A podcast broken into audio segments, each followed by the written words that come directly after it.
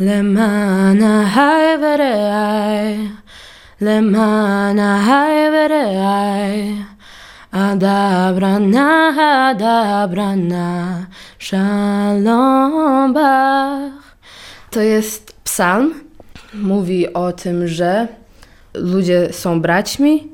To jest piękne w hebrajskich pieśniach, dlatego że to jest bardzo mało tekstu.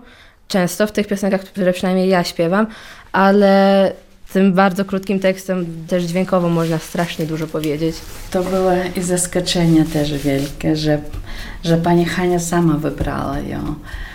Kasirka oczywiście jest szczęśliwa, docenia to, ale z czasem będzie bardziej rozumieć, co w tym momencie w jej życiu się zdarzyło.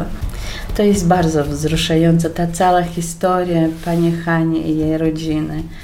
Tym bardziej trudno, że nie potrafię w tej chwili po przeżyciu dwóch wojen w Czeczeniu myśleć o jakiejkolwiek wojnie, jakby to było coś abstraktnego, tylko to jest dla mnie coś bardzo żywe. Mm-hmm.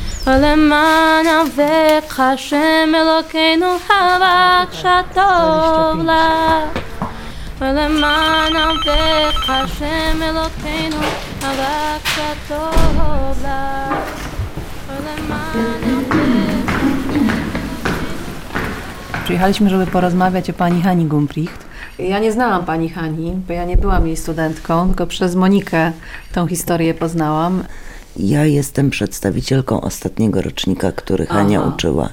I nieskończonych zajęć, ponieważ ona wyjechała do Izraela, do matki. Tak. 89 rok, 90. Nie miałam szansy poznać pani Hani tak z zazdrością. Myślę o jej studentach, którzy mogli być na jakichś połowinkach, uczestniczyć w jakimś kółku filozoficznym, czy nawet z nią porozmawiać. Dlaczego ja jej tak szukałam? Ja pamiętam, jak była rocznica wyzwolenia Auschwitz. I tak myślę sobie, że właśnie ta pani Halina Birenbaum we mnie wyzwoliła jakieś myślenie o pani Hani. To jej takie wstrząsające przemówienie. A na rampie pociągi i pociągi następnych ofiar i ich bagaże. Byłam tam. I ona Tak wtedy też mówiła o tym obowiązku ocalałych do sygnalizowania światu tych zagrożeń, które się pojawiają. Zbieżność życiorysów, być może. Podobieństwo chyba głosu też, postawy. Szukałyśmy z Moniką jakichś informacji na temat pani Hani. To Monika może powiedzieć o tych poszukiwaniach, jak rozmawiała z kolegami z, z Siedlec, którzy mieli ją pamiętać i się pojawiła informacja, że pani Hania, jedna, że wyjechała do Izraela, że wyemigrowała i tam została, druga, że zmarła już parę lat temu. No ale pomimo tego zaczęłyśmy szukać. Ja dzwoniłam i do Żichu, i do gminy żydowskiej. W gminie żydowskiej bardzo życzliwa pani sprawdziła, że właśnie pani Hania nie była członkiem gminy. I na drugi dzień dostaję maila, który mniej więcej był takiej treści. Kolega był w synagodze Nożyków, proszę zobaczyć, co znalazł. I klepsydra. Na klepsydrze też nie było żadnych informacji. Było wiadomo tylko kiedy pogrzeb i że na cmentarzu żydowskim. Monika nie wierzyła. Twierdziła, że to musi być jakaś zbieżność nazwisk, że to niemożliwe. Ale też przez cmentarz żydowski udało mi się porozmawiać z zakładem pogrzebowym i oni mnie z kolei skontaktowali z panią Wierą i pani Wiera potwierdziła. Dlatego mogłyśmy przyjechać na pogrzeb. Hania umarła 6 kwietnia 2016 roku.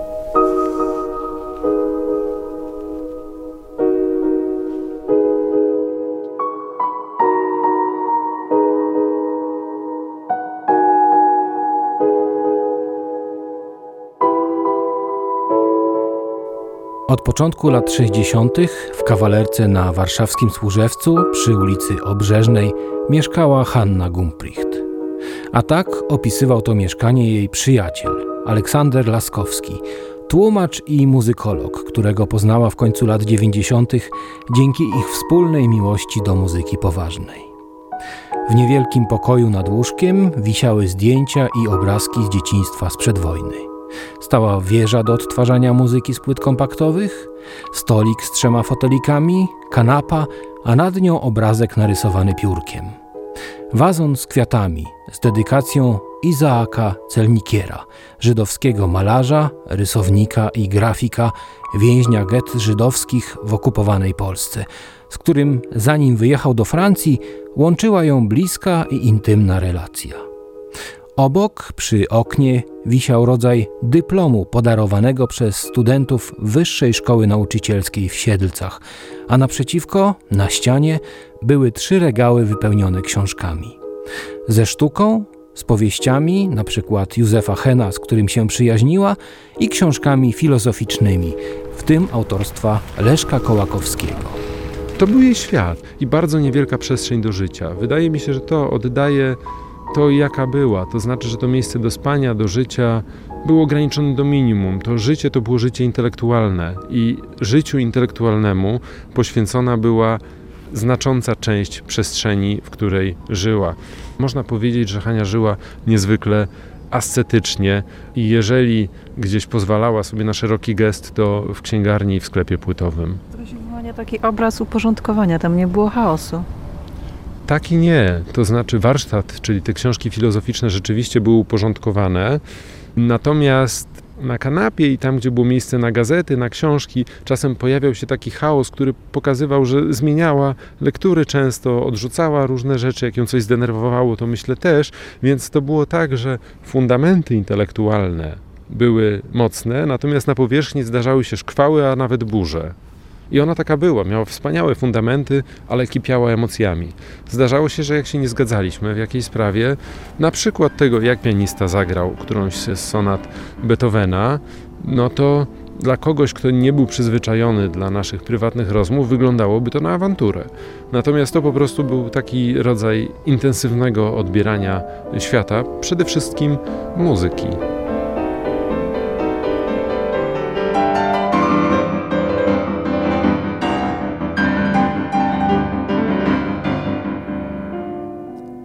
Beata Bińko poznała Hannę Gumpricht za sprawą zamiłowania do muzyki Gustawa Mahlera. W 2001 roku, dzięki audycji w warszawskim Radiu Classic, udało im się założyć Towarzystwo Malerowskie. Kiedy radio zostało kupione przez dużą grupę medialną, zbierały podpisy w jego obronie. Wówczas zaprzyjaźniły się i poczuły pokrewnymi duszami. Ja im dłużej z nią obcowałam, tym bardziej dochodziłam do wniosku, że Hania pozostaje taką dziewczynką, trochę naiwną, w każdym razie zawsze otwartą, nastawioną na człowieka. Uważała, że to jest najważniejsze. Odpowiednie wykształcenie młodych ludzi, żeby w życiu właśnie kierowali się otwartością i tolerancją w stosunku do innych. Potrafiła nawiązać bliskie relacje z kolejnymi młodymi sąsiadami, którzy obok wynajmowali mieszkanie. I dyskutowała, ale dyskutowała na przykład o problemie zła na świecie. Co to jest dobro, co to jest zło. Czy można doprowadzić, żeby zła było mniej? No, stawiała takie bardzo poważne pytania. I ci ludzie lgnęli do niej. Anna Jóźwik po ukończeniu studiów pedagogicznych podjęła pracę w Warszawie i przez pięć lat mieszkała obok Hanny Gumpricht. Później sprowadził się tam Marcin z Krakowa, który robił doktorat z budownictwa. Często nam kserowała różne materiały, dawała do czytania. Normalnie mieliśmy prace domowe, złościła się, jak nie czytaliśmy, albo czytaliśmy pobieżnie i zadawała nam trudne pytania. Pamiętam, że jeden z ostatnich tematów, jaki poruszaliśmy, to była rosnąca popularność Marine Le Pen. I ona się bardzo martwiła, co się dzieje we Francji i w ogóle w Europie. I co się dzieje w Polsce też przez to. No, to sobie. Bardzo dużo opowiadała o studentach, e, opowiadała trochę o wyjazdach do Izraela. Ona w mieszkaniu miała dużo zdjęć e, z siostrą, więc też trochę o siostrze opowiadała, ale prawie w ogóle nie opowiadała o czasie wojny unikała tego tematu i też nawet sama powiedziała, że ona nie lubi, ale z czasem o czymś przebąkiwała. Na przykład po kilku latach dowiedziałam się, że miała brata i że jej brat wyszedł i nie wrócił. Aha. Monika Mokwa wraz z mężem i dwójką dzieci sprowadziła się do bloku przy ulicy Obrzeżnej w 2005 roku. Pamiętam, że w takich pierwszych spotkaniach ona tak powoli odkrywała te karty, bo ona troszeczkę bała się jak takiej dyskryminacji ze strony obcych. Czasami jak przeczytała jakiś artykuł prasowy i jeżeli pojawiały się jakieś takie wzmianki o właśnie braku tej tolerancji, to ją bardzo bolało i jakieś ataki, jeżeli były na Żydów, to też gdzieś komentowała to z takim dużym niesmakiem.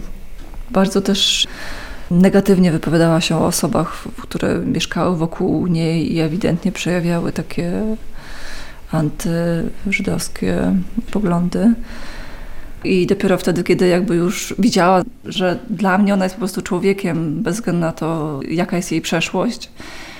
Przy kolejnych spotkaniach, bo nasze spotkania były bardzo różne, tam omawiałyśmy sprawy moje bieżące, ona jakieś swoje takie bieżące sprawy i gdzieś tam w tle wpadał ten wątek jakiś historyczny, chociaż to zawsze ją kosztowało bardzo dużo emocjonalnie.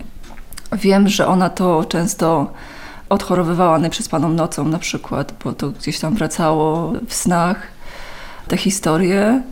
Ja w tym momencie byłam mamą dwójki małych dzieci, tak? Ona opowiadała o tych ciężkich losach, więc prosiłam, żeby ona dozowała to, co mówi. Ona była w tym czasie dzieckiem, tak? Ona straciła ojca, straciła brata. Ja bym się pewnie już sto razy zalała łzami. A ona, nie zdarzyło mi się przez tyle lat zobaczyć Hanie z łzami w oczach. Ona była niesamowicie twardym człowiekiem.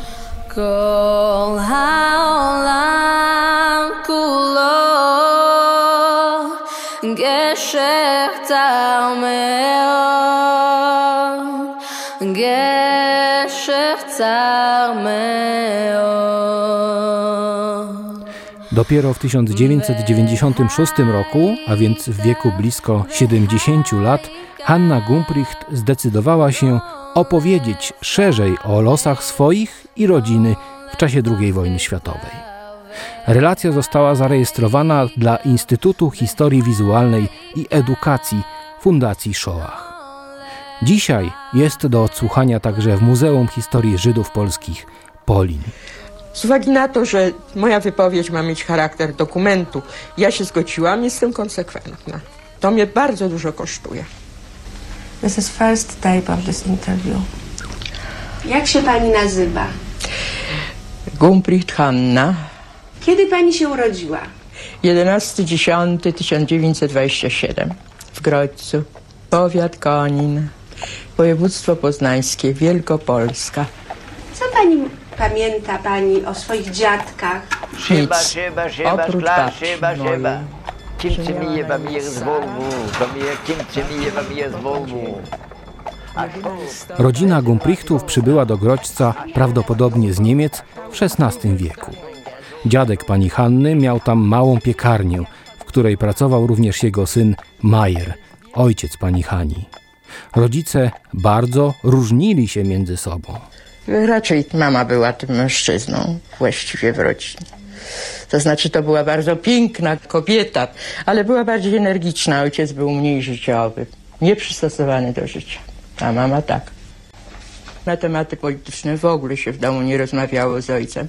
Tylko pamiętam, to mi utkwiło w głowie, że mama strasznie psioczyła na tego waszego Lenina. To znaczy nienawidziła komunistów nieprawdopodobnie. Do tego stopnia, że kiedy zaczęła się wojna, ojciec miał ochotę, abyśmy opuścili Polskę w kierunku wschodnim. Chciał wyjechać do Rosji. Mama się nie zgodziła. A szkoda. Większość mojej rodziny to byli sioniści. W rodzinie był raczej kult myśli, czy też poglądów, że Żydzi powinni mieć swoje państwo. W domu mówiono wyłącznie po polsku, to znaczy rodzice mówili po żydowsku tylko wtedy, kiedy nie chcieli, żeby dzieci coś zrozumiały, ale to były bardzo rzadkie wypadki. Właściwie był kult polszczyzny, chociażby w tym sensie. Mama zresztą do późnych lat, no prawie do śmierci, pisała mi listy piękną polszczyzną. Więc ta część dzieciństwa w Grodźcu upływała pod znakiem normalności. To znaczy jedno miałam bardzo głębokie przeżycie, kiedy moja babcia wyjeżdżała do swojego najmłodszego syna do Palestyny. Babcia Sara, której wnuczką kochaną byłam i która nawiasem mówiąc, zarówno ojciec, jak i babcia uczyli mi języka polskiego. Kiedy miałam 5 lat, czytałam właściwie biegle i pisałam bez błędów. Ta babcia, która uczyła mnie języka polskiego, uczyła mnie również modlitw w języku hebrajskim. Nie mówiąc już o choinkach w domu na Boże Narodzenie. außerhalb Europas gelingen sollte, die Völker noch einmal in einen Weltkrieg zu stürzen, dann wird das Ergebnis nicht die Bolschewikierung der Erde und damit der Sieg des Judentums sein, sondern die Vernichtung der jüdischen Rasse in Europa. Połowie lat 30. po dojściu Hitlera do władzy w Grodźcu nasilił się antysemityzm. Ojcu pani Hani odebrano koncesję, zamknięto piekarnię i sklepik, w którym rodzice sprzedawali chleb. Gumprichtowie nie mieli z czego żyć i musieli wyjechać do Łodzi. Zamieszkali w biednej dzielnicy Bałuty, w jednym pokoju z kuchnią przy innej rodzinie. Cierpieli głód. Mała Hania udzielała korepetycji z polskiego za pięć groszy, które oddawała mamie. Widziała, jak mama płacze, gdy sprzedawała pierzynę, aby zarobić na jedzenie. Po wybuchu wojny, kiedy przyszli Niemcy, mama pracowała jako sprzątaczka na kwaterach wojskowych, a ojciec jako tragarz. Oboje przynosili do domu pety, z których Hania robiła papierosy, sprzedawane później, aby kupić jedzenie. Wkrótce zamknięto getto, a ich dom znalazł się niedaleko drutów, przez które znajome osoby przerzucały żywność. Gdy Niemcy wzmocnili straże, pomoc się skończyła. Pewnego dnia ojciec został postrzelony i miał odtąd sparaliżowaną rękę. Wkrótce zmarł.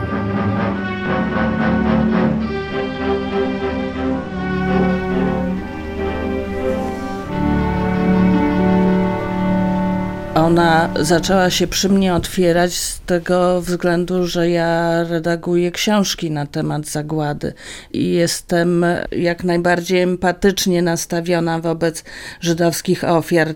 To mogło pomóc jej otworzyć się, bo rzeczywiście no, w PRL-u na pewno nie było łatwo przez długie lata opowiadać o tym.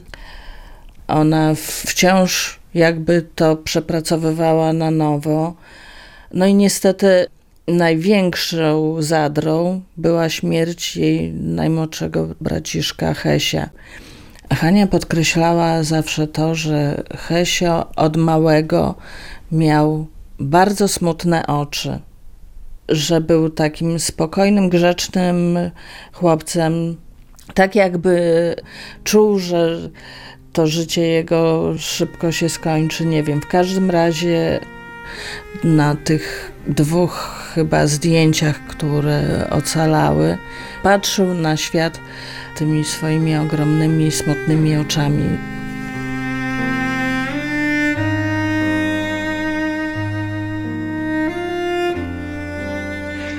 Pewnego dnia ogłosili Niemcy tak zwaną szperę, to znaczy blokowali szereg ulic w jakiejś dzielnicy i tych niezdolnych według ich kryteriów do pracy ładowali na takie wozy wiejskie. Jak się okazało, wozili przy Łagiewnickiej, była taka znana kasa chorych, bo tam był szpital. Niemcy SS-mani wskazali mnie i brata na wóz. Za nami poszły siostra i matka.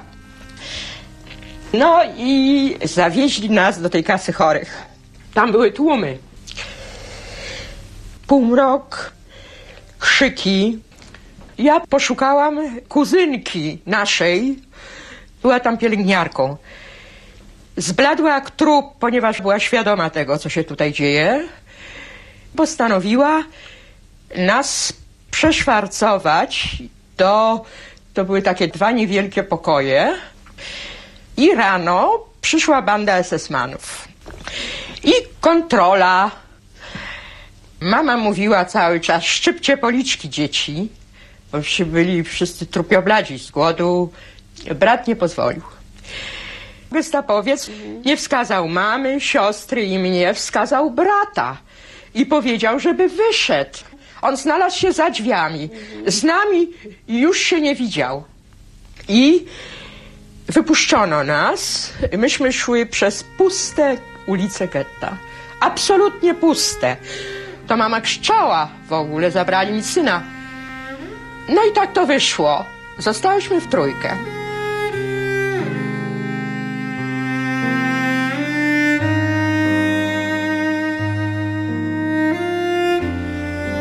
Myśmy nie wiedzieli, co z nim zrobili.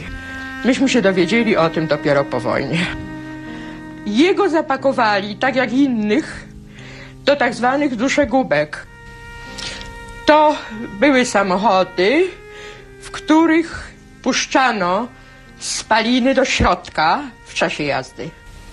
I tych ludzi, trupy albo półtrupy, wyrzucali w hełmie nad Nerem i tam ich palono po prostu.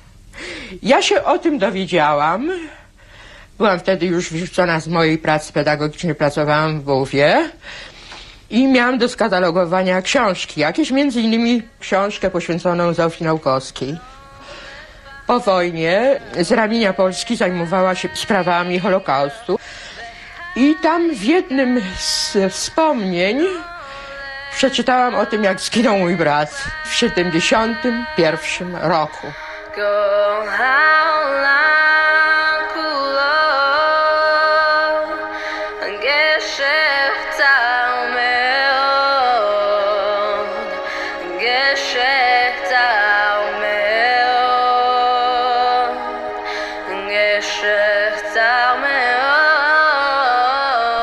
Świat to jest jeden długi, wąski most i najważniejsze jest to, by się nie bać. To jest jakby cała piosenka. No i to jest właśnie ta pierwsza piosenka hebrajska, jakiej się nauczyłam. I po prostu jakby co roku trochę się zmienia to, jak ją śpiewam. A coś wiesz o Hesiu? Wiem, że on był młodszym bratem pani Hani i że niestety zginął, e, jak był jeszcze dzieckiem. Jak ludzie byli sortowani na tych, którzy mogą pracować, którzy nie mogą pracować. No i on był wybrany na tych, którzy nie mogą, więc zginął. Pani Hania jest e, jedna z tych osób, których nie da się zapomnieć, które będą żyli przez pamięć tych ludzi, dla których ona miała znaczenie takie wielkie. Ja ją nie poznała osobiście, ale przez już tyle czasu ona po prostu jest. Bo u mnie Hesia tutaj wisiał, tam jest nawet goździk, ale ponieważ w kuchni ciągle coś się dzieje, pomyślała, że nie chcę, żeby on tutaj się brudził i do innego pokoju zaniosą. Ale wracam myślami do tej historii. Wyobrażam sobie ją jako małą dziewczynkę i wyobrażam sobie, co przeżyła. Bo moje dzieci przeżyli też wojnę i też znam się na tym trochę. Wiem, jak to jest i co przeżywa dziecko, jak jest, się znajduje w tej wojnie.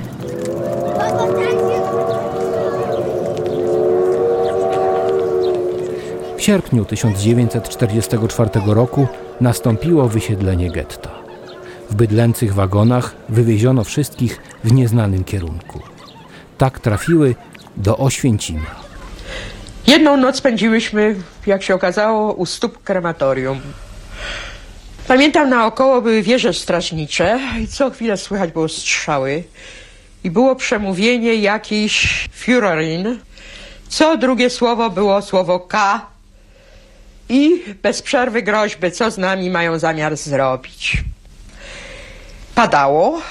Właściwie myśmy tak w pół leżały, bo tak jak sardynki ułożone, jedna na drugiej prawie, tylko głowy wystawały.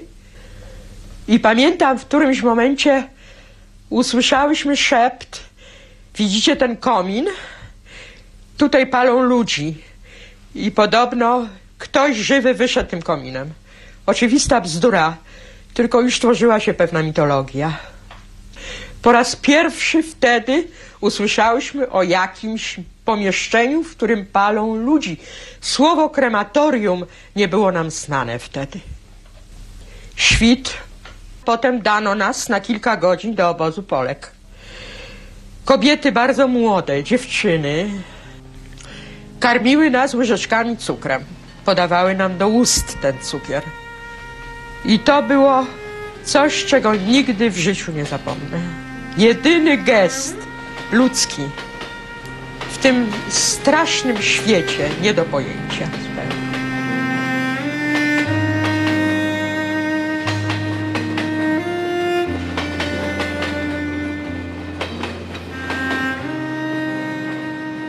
Hannę Gumpricht wraz z matką i siostrą przewieziono do filii obozu Grossrosen na Dolnym Śląsku.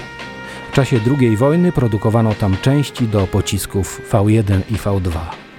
W kwietniu przetransportowano rodzinę Gumprichtów i inne kobiety do kolejnej filii obozu Grossrosen, gdzie kopały okopy. Tam 9 maja 1945 roku wkroczyła Armia Radziecka. Później rodzina Gumprichtów, narażona na rabunek, pobicie, ataki antysemickie czy gwałt, wyruszyła w długą, pełną niebezpieczeństw drogę do Łodzi. W listopadzie 1945 roku matka i siostra Hanny Gumpricht wyjechały do Niemiec, gdzie tworzyły się punkty zborne do wyjazdu do Palestyny. Dwora znalazła się tam w 1947 roku, a mama rok później, już po utworzeniu Izraela. Wielokrotnie rozmawialiśmy o tym, czy mogła była zostać w Izraelu. Mogła, bez kłopotu, ale jakoś nie żałowała, bo jak ksiądz chodził po kolędzie, po budynku przy ulicy Obrzeżnej w Warszawie, gdzie mieszkała, zresztą przyjmowała księdza i prowadziła z nim dysputy filozoficzne, bardzo serdeczne, to powiedziała, że nie mogła wyjechać z Polski, bo to jest kraj, w którym są groby jej przodków, a więc jej kraj. I to był komentarz, czy odpowiedź na moje pytanie, czy nie wolała zostać w Izraelu, skoro tam była mama i siostra. Powiedziała mi kiedyś nawet, i to było dla mnie wstrząsające, że mama miała do niej ogromną pretensję, że po Holokauście zdecydowała się zostać gojką. Co w ustach Hani brzmiało zaskakująco i było dla mnie niezwykłym zdaniem. Pani Hania czuła się Polką. Chociaż jak wspomniała kiedyś, narodowość to jest dla niej nacjonalizm. Pojęcie dla niej zupełnie niezrozumiałe i obce.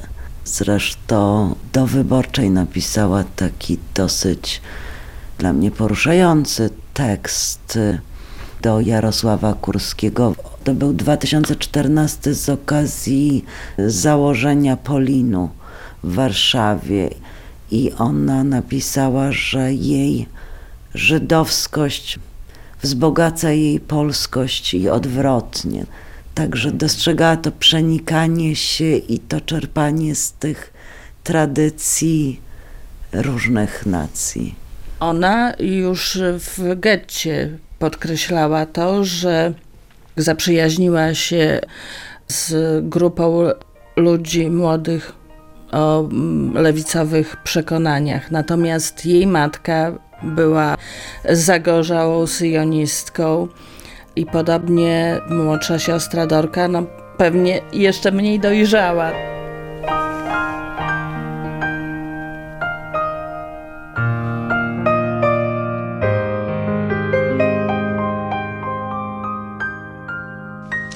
Po wojnie myśmy wszyscy odczuwali ogromną wdzięczność za wyzwolenie, prawda? Bośmy nie byli świadomi tego, co się dzieje za rubieżem i nie mieliśmy doświadczenia po prostu i zwyczajnie.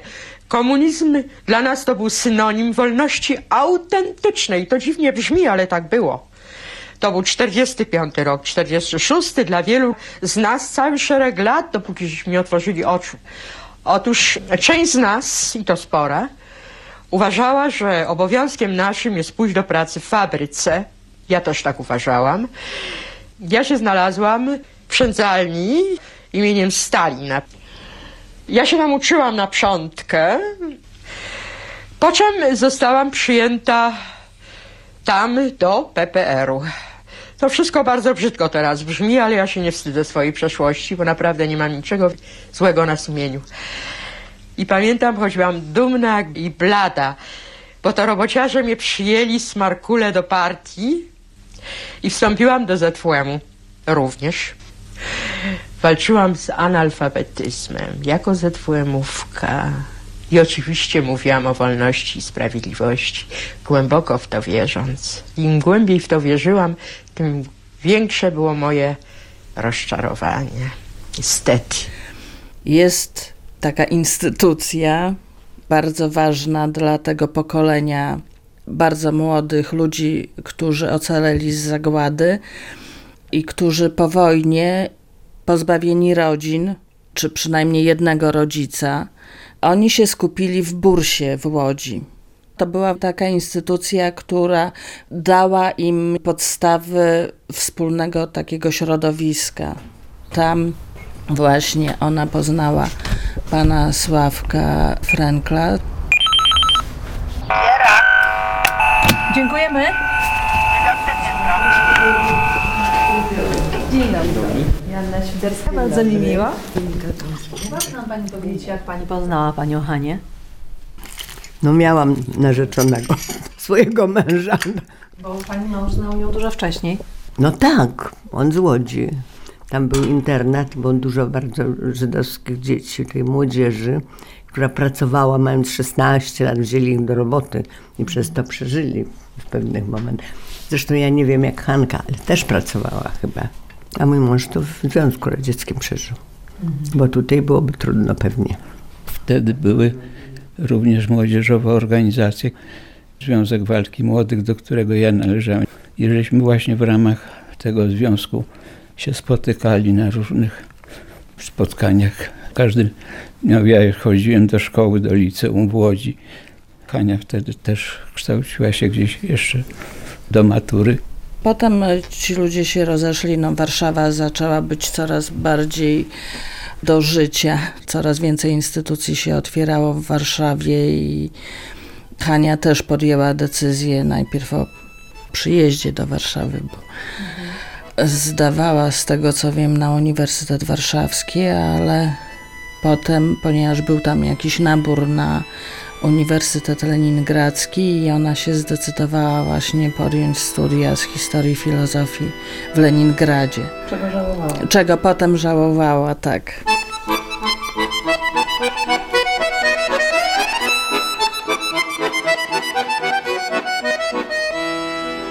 Ujemna strona to nie to, że obozy, bo ja ich nie widziałam tam.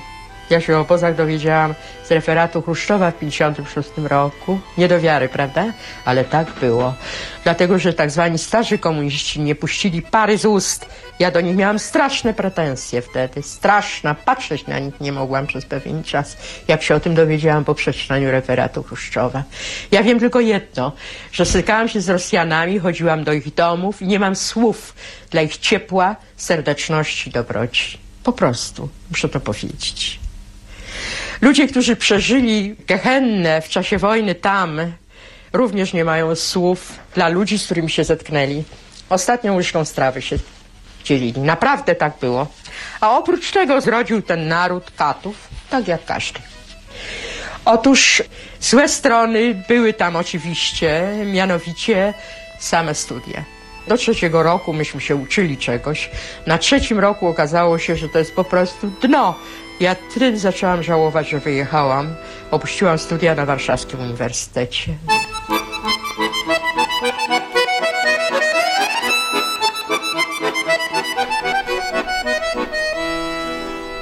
Stwierdziła, że ma duże luki w wykształceniu, musiała doczytywać, dokształcać, rozmawiać z przyjaciółmi, którzy zostali tutaj, którzy tutaj kończyli studia, bo nawet w okresie stalinowskim okazało się, że polskie uniwersytety zapewniały prawdziwe wykształcenie. Natomiast tam to była w dużej mierze propaganda, był marksizm, leninizm i wszystko właśnie przez te okulary ideologiczne było im wtłaczane w głowy. Ponieważ przez całe lata była wykładowczynią w Wyższej Szkole Nauk Społecznych przy Komitecie Centralnym Polskiej Zjednoczonej Partii Robotniczej, więc instytucja jak najbardziej partyjna. Jej szefowie często dopełniali wykształcenia aparatczycy partyjni. Niespecjalnie może lotni.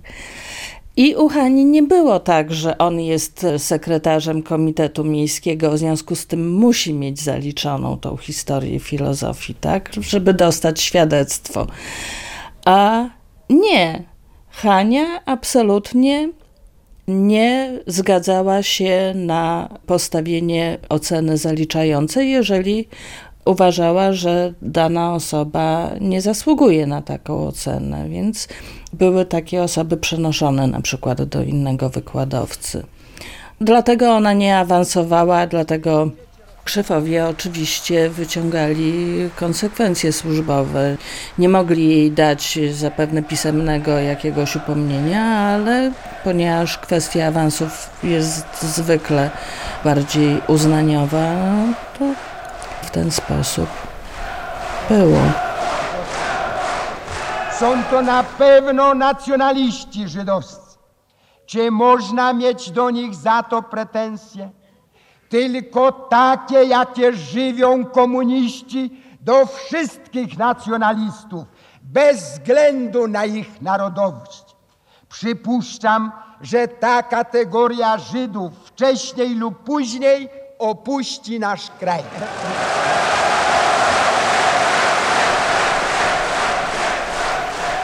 Hania się czuła Polką. Mimo, że w 1968 roku bardzo próbowano jej udowodnić, że niekoniecznie, to ona się zaparła i tak czuła się wielką patriotką polską o żydowskich korzeniach. I ten 68 rok odbierała to jako ogólnie obrzydliwe, a nie to, że właśnie jej chce się wytknąć niedostateczną polskość, no, że jest ogólnie bardzo ksenofobiczny nastrój ulicy. Na pewno 68 rok ją rozwalił. No i to, że została pozbawiona pracy dydaktycznej, skierowana do biblioteki. Ta atmosfera, to, że znajomi wyjeżdżali, że... Ona nie rozważała wyjazdu. Ona nie rozważała wyjazdu. No a potem w ramach szykany nie dostawała przez całe lata 70. zgody na wyjazd do Izraela, więc cierpiała na pewno z tego powodu, natomiast nie aż tak, żeby się poczuć zachęcona do wyemigrowania. Uważała, że tutaj jest jej miejsce na ziemi. Dano jej pracę w bibliotece Uniwersytetu Warszawskiego i nie była zadowolona z tej pracy. Powiedziała, że nie chce tam pracować. I wspierając się pomocą de facto swoich kolegów, docentów, oni próbowali ją przywrócić na uczelnię, ale nie udało im się przywrócić ją na Uniwersytet Warszawski i dostała wybór albo Siedlce, albo Kielce.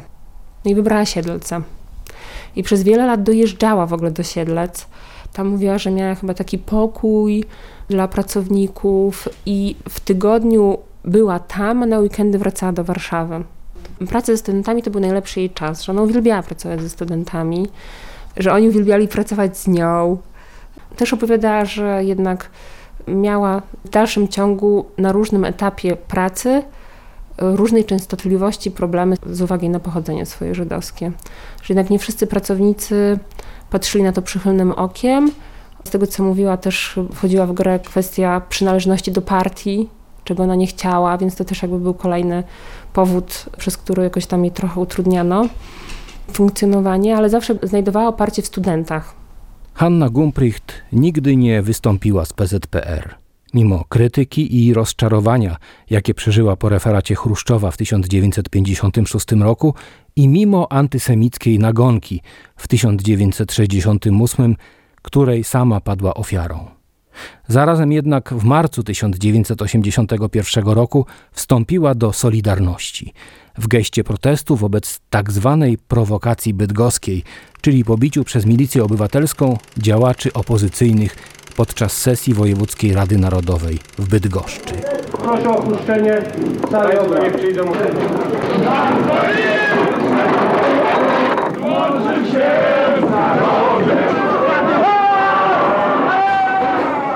Po wprowadzeniu stanu wojennego odbył się nad nią swoisty sąd partyjny. Ze swej decyzji jednak się nie wycofała.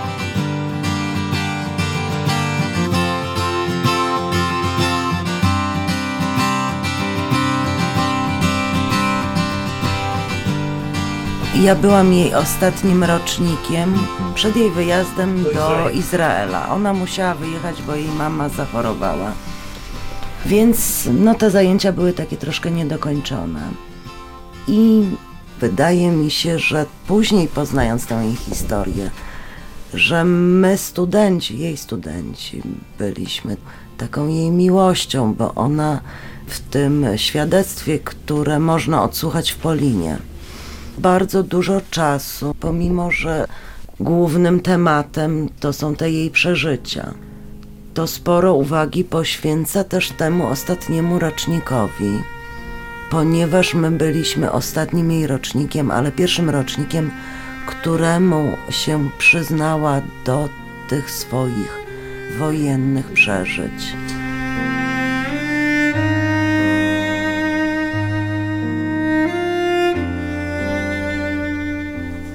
Ona mieszkała w mieszkaniu komunalnym.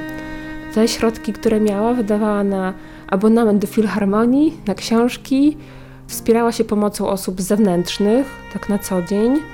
Nie żyła wystawnie i tak czasem się zastanawiałam, jakby na co wydaje te środki poza kulturalno-oświatowymi przyjemnościami i dopiero na pogrzebie usłyszałam o stypendium, które założyła, na które przeznaczyła te środki. Nigdy o tym nie mówiła. Przez całe lata nie mówiła o Hesiu. Gdy tylko rzuciła słowo Hesio, od razu pojawiały się łzy i nie była w stanie o tym mówić. Dopiero ostatnie lata jej życia to jest e, to, że ona z jednej strony zdawała sobie sprawę z tego, że jej życie zmierza ku końcowi, i coraz bardziej wracała pamięcią do tych najbardziej dramatycznych przeżyć i czuła, że nie może tak tego swego nieszczęsnego braciszka zostawić w żaden sposób nieupamiętnionego. Ona miała wypłacaną jakąś rentę za pobyt w obozie, natomiast w ostatnich latach udało się wywalczyć jeszcze od Niemców pieniądze za pracę w getcie. I ona te pieniądze, które jej spływały, przeznaczyła na stypendium imienia Hesia Gumprichta, które jest przyznawane w ramach Fundacji Dajemy Dzieciom Siłę. Dzieciom bądź z niepełnych rodzin, bądź bardzo ubogich, na przykład wielodzietnych, dzieci z jakimś talentem. Pierwsza dziewczynka, którą jeszcze Hania zdążyła zatwierdzić, jest Czeczenką z pochodzenia, półsierotą, o pięknym głosie i chyba to nagromadzenie tego nieszczęścia, bo właśnie to, że oni się musieli adaptować tutaj w zupełnie obcych warunkach kulturowych, że zaraz zmarł ojciec i matka została z piątką dzieci sama, musiała sobie jakoś radzić. A to się Hani też skojarzyło z tą silną jej matką, która podtrzymywała je zawsze, pchała do tego życia w getcie i w obozach kolejnych potem. Plus muzykalność i wrażliwość tej dziewczynki to właśnie sprawiło, że Hania nie miała problemu z dokonaniem wyboru tego pierwszego. To jakieś czeczeńskie specjały? Jak to się nazywa? Powiem, żeby było Wam prościej, to po prostu placuszki, a po czeczeńsku to powiem tak, to lokmisz kalciakin, lokmisz. Jakie pyszne. Dziewczynki nie jedzą? Ani zjadły przed chwilą. Aha. Ta cena, którą zapłacił Hesio, jego rodzina, to nie jest cena, która nie zapłacono to za to, co teraz jest. Tylko to powstało z tego, żeby była ta pamięć żywa, prawda, o tym, co się zdarzyło, żeby to nie umarło w pamięci ludzi, żeby to nie mogło się powtórzyć znów. Wolałam, żeby Hesio żył. Ale już jeżeli tak się zdarzyło, to pięknie, że powstało to stypendium. I mnie moi przyjaciele powiedzieli, że Luisa, jak to jest? To jest takie dziwne, że kasira, Czeczenka, muzułmanka śpiewa hebrajskie psalmy. To jest taki świat, który musimy stworzyć, że my i inna ta strona i jeszcze inna strona robimy taką całość, a nie to, że Szukamy to, co nas dzieli, tylko to, co nas łączy. אלי, אלי, שלא ייגמר לעולם, החול והחיים, רשרוש של חיים, ברק השמיים, תפלתך אדם, החול והחיים, רשרוש של חיים, ברק השמיים, תפלתך אדם.